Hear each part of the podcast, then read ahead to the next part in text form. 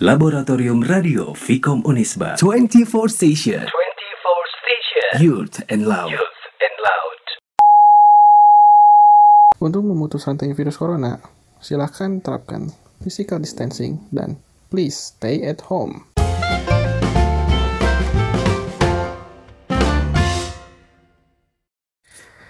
Halo semuanya, gimana kabarnya? Semoga baik-baik aja ya di sana. Aku Andre Tadia.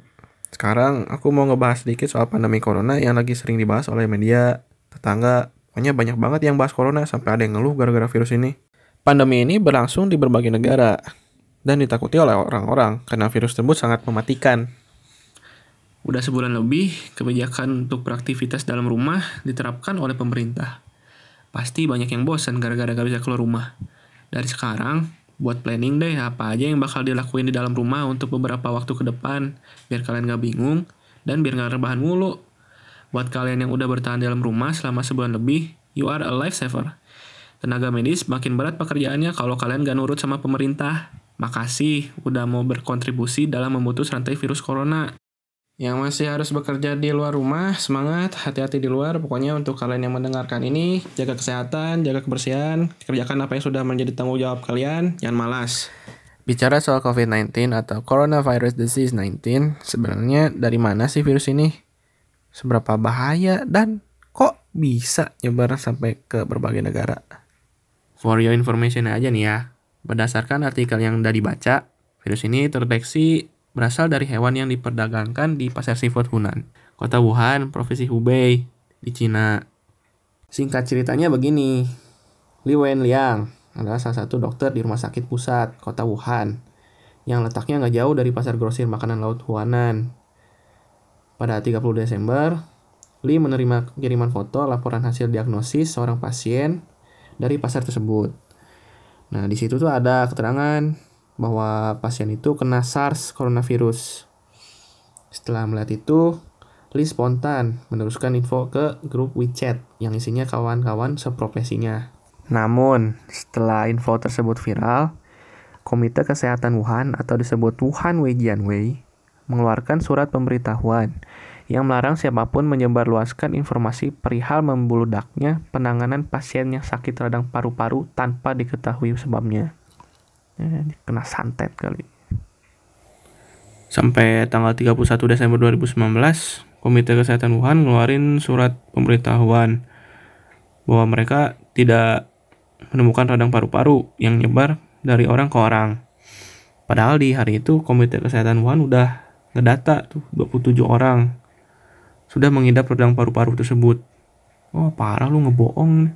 Harusnya tuh pemerintah pemerintah Cina di sana ngaca eh ngaca. Berkaca pada kejadian di pergantian tahun 2002-2003 yang udah lama tuh. Cina tuh digempur sama wabah SARS. Terus ya gak nutup kemungkinan lah kejadian lagi sekarang. Akhirnya apa? Nyebar tuh virusnya ke mana-mana ke berbagai negara sampai bikin orang meninggal tuh banyak banget di negara mana? Amerika, Italia, Spanyol pokoknya di Eropa tuh banyak banget sampai ribuan seram mayat semua tuh ribuan. Udah nggak ada nyawanya. Yang nggak tahu sih kenapa pemerintah Cina tuh nutup nutupin keadaan yang sebenarnya. Mungkin. Ya tujuannya biar masyarakatnya tuh nggak panik. Ya nggak pada ketakutan tuh gara-gara ada virus. Jadi harus ketar ketir beli barang-barang ini itu nggak mau kerja segala macem. Terus belum ada kebijakan diambil kan. Jadinya kebingungan semuanya. Terus dari panik itu bisa nurunin kualitas perekonomian negara.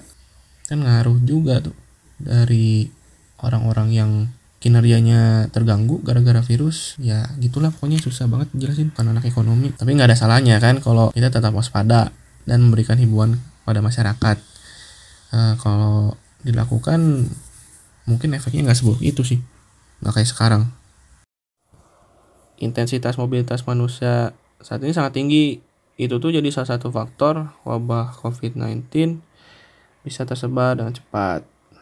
Terus yang udah terpapar tuh kadang nggak kelihatan gejalanya. Malah beberapa kasus ada orang yang udah kena tapi nggak menunjukkan gejala-gejala dari COVID-19 itu. Ya makanya hati-hatilah buat kalian tuh nurut sama kebijakan yang udah diambil sama pemerintah sekarang jangan nakal biar nggak ngambil resiko. Tinggi mau mati kan ya mati konyol tuh keluar terus kena corona mati gitu aja. Uh. yang dimaksud nakal tadi tuh orang-orang yang keluar rumah tapi nggak ada tujuan yang jelas. Kayak nongkrong atau main sama temen-temennya tuh barengan banyak kan lebih dari lima orang bergerombol. Padahal kan nggak boleh tuh. Terus apa lagi ya emang keluar aja gara-gara bosen di rumah mungkin. Padahal udah disuruh diem di rumah aja biar putus penyebaran virus corona. Mereka yang keluar emang nggak takut apa kena virusnya? Gak tau bahaya banget. Di TV itu udah ditayangin tiap hari itu di berita. Yang meninggal berapa yang udah positif corona berapa orang di dunia udah sampai berapa orang. Malah yang meninggal kalau ditotalin di seluruh dunia tuh banyak banget tuh. Serem. Pokoknya serem banget deh virus corona ini. Dari tadi yang dibahas penyebarannya bahayanya coronavirusnya belum dibahas ya. Hmm, coronavirus tuh kumpulan virus yang bisa menginfeksi sistem pernapasan. Di banyak kasus virus ini bisa menyebabkan infeksi pernapasan ringan kayak flu. Tapi virus ini juga bisa bikin infeksi pernapasan berat kayak pneumonia atau infeksi paru-paru. Lalu uh, ada Middle East Respiratory Syndrome atau MERS dan Severe Acute Respiratory Syndrome atau SARS ada tiga gejala umum yang bisa menandakan orang kena infeksi corona. Yang pertama ada demam, yang kedua batuk, yang terakhir sesak nafas. Oh ya berdasarkan artikel yang baru ada gejala lain dari infeksi corona itu sendiri. Itu eh, gatal-gatal dan ruam merah pada bagian tubuh. Gejala terbaru COVID-19 ini ditemukan oleh para ahli yang terkumpul dalam Persatuan Dokter Spesialis Kulit Prancis atau SNDV. Tanda tersebut ditemukan lewat pengamatan terhadap sejumlah pasien COVID-19 di sana. Orang bisa tertular COVID-19 melalui berbagai cara. Yang pertama nggak sengaja ngirup percikan ludah saat menderita COVID, batuk, dan bersin. Yang kedua, memegang mulut dan hidung tanpa mencuci tangan dulu sesudah menyentuh benda yang kecipratan ludah penderita COVID. Yang terakhir, kontak jarak dekat dengan penderita, misalnya bersentuhan atau berjabat tangan. Nah, dilihat dari gejala yang sudah disebut barusan, kebijakan social distancing yang dikeluarkan oleh pemerintah sangat efektif untuk memutus penyebaran virus corona uh, social distancing dikeluarkan biar orang-orang jaga jarak ketika bertemu dengan orang lainnya. Um, minimal jarak yang harus dibuat oleh eh dari dari orang satu ke orang lainnya adalah satu meter untuk sekarang. Terus uh, apa ya? Tetapi di saat kasus positif virus corona masih sedikit, kebanyakan orang tidak terlalu menghiraukan pemerintah untuk tetap diam di rumah. Nah, padahal virus tersebut nampak. Dan masyarakat harus memikirkan betapa banyak orang yang pergi dari luar daerahnya untuk bekerja dan mungkin saja udah terpapar virus corona. Kan nggak ada yang tahu tuh dia udah kena atau belum harus dicek dulu dari rapid test atau apa segala macam dites suhu gitu. Dan kalau dia batuk dan flu gitu bisa aja kan udah terpapar virus corona. Bahaya kalau kontak langsung dengan dia. Nah beraktivitas di luar rumah emang lebih menyenangkan dibanding harus berdiam diri di dalam rumah dalam jangka waktu yang lama. Di samping hal tersebut, ada hal lain yang harus dipikirin, itu keselamatan bersama, keselamatan orang lain. Kita harus mikirin orang lain juga. Kita masih sehat aja, sehat-sehat aja di rumah, tapi belum tentu pas di luar masih sehat gitu. Bisa aja tiba-tiba kena tanpa diketahui oleh kalian. Ya, karena bekas-bekas dari eh percikan-percikan COVID itu nggak terlihat dan ketika kalian menyentuh lalu memegang hidung atau mulut ya akhirnya terpapar tanpa sepengetahuan kalian. Nah itu bahayanya kayak gitu. Makanya pemerintah mengeluarkan kebijakan social distancing.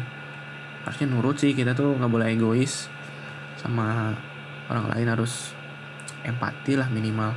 Menempatkan diri kita di posisi orang lain. Ya itulah pokoknya. Kalau kita peduli sama manusia yang lain pandemi bisa cepat dihentikan e, seharusnya manusia tuh sadar bahwa mereka tuh pada dasarnya makhluk sosial pasti membutuhkan pertolongan orang lain saat ini ego kita tuh harus diturunin sedikit nggak melulu rasa puas akan kesenangan kita harus terpenuhi. Coba sekali untuk memposisikan diri sebagai orang yang berada di barisan depan pada saat menangani coronavirus. Tuh, mereka tuh pasti kelelahan mengurus kasus positif yang sekarang tuh udah sampai ribuan ya. Kebayang gak sih ribetnya kayak gimana?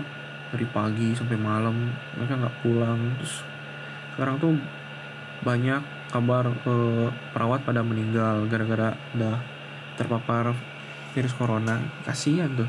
Mereka tuh pasti selain eh, terpapar coronavirus ya kelelahan juga ngurus makin hari makin banyak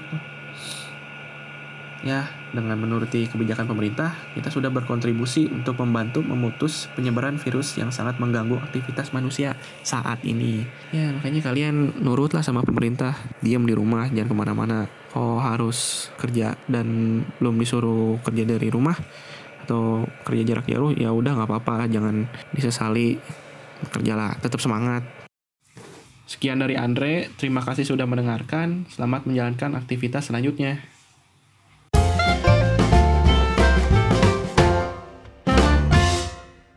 Pesan ini dipersembahkan oleh Laboratorium Radio Vicom Unisba.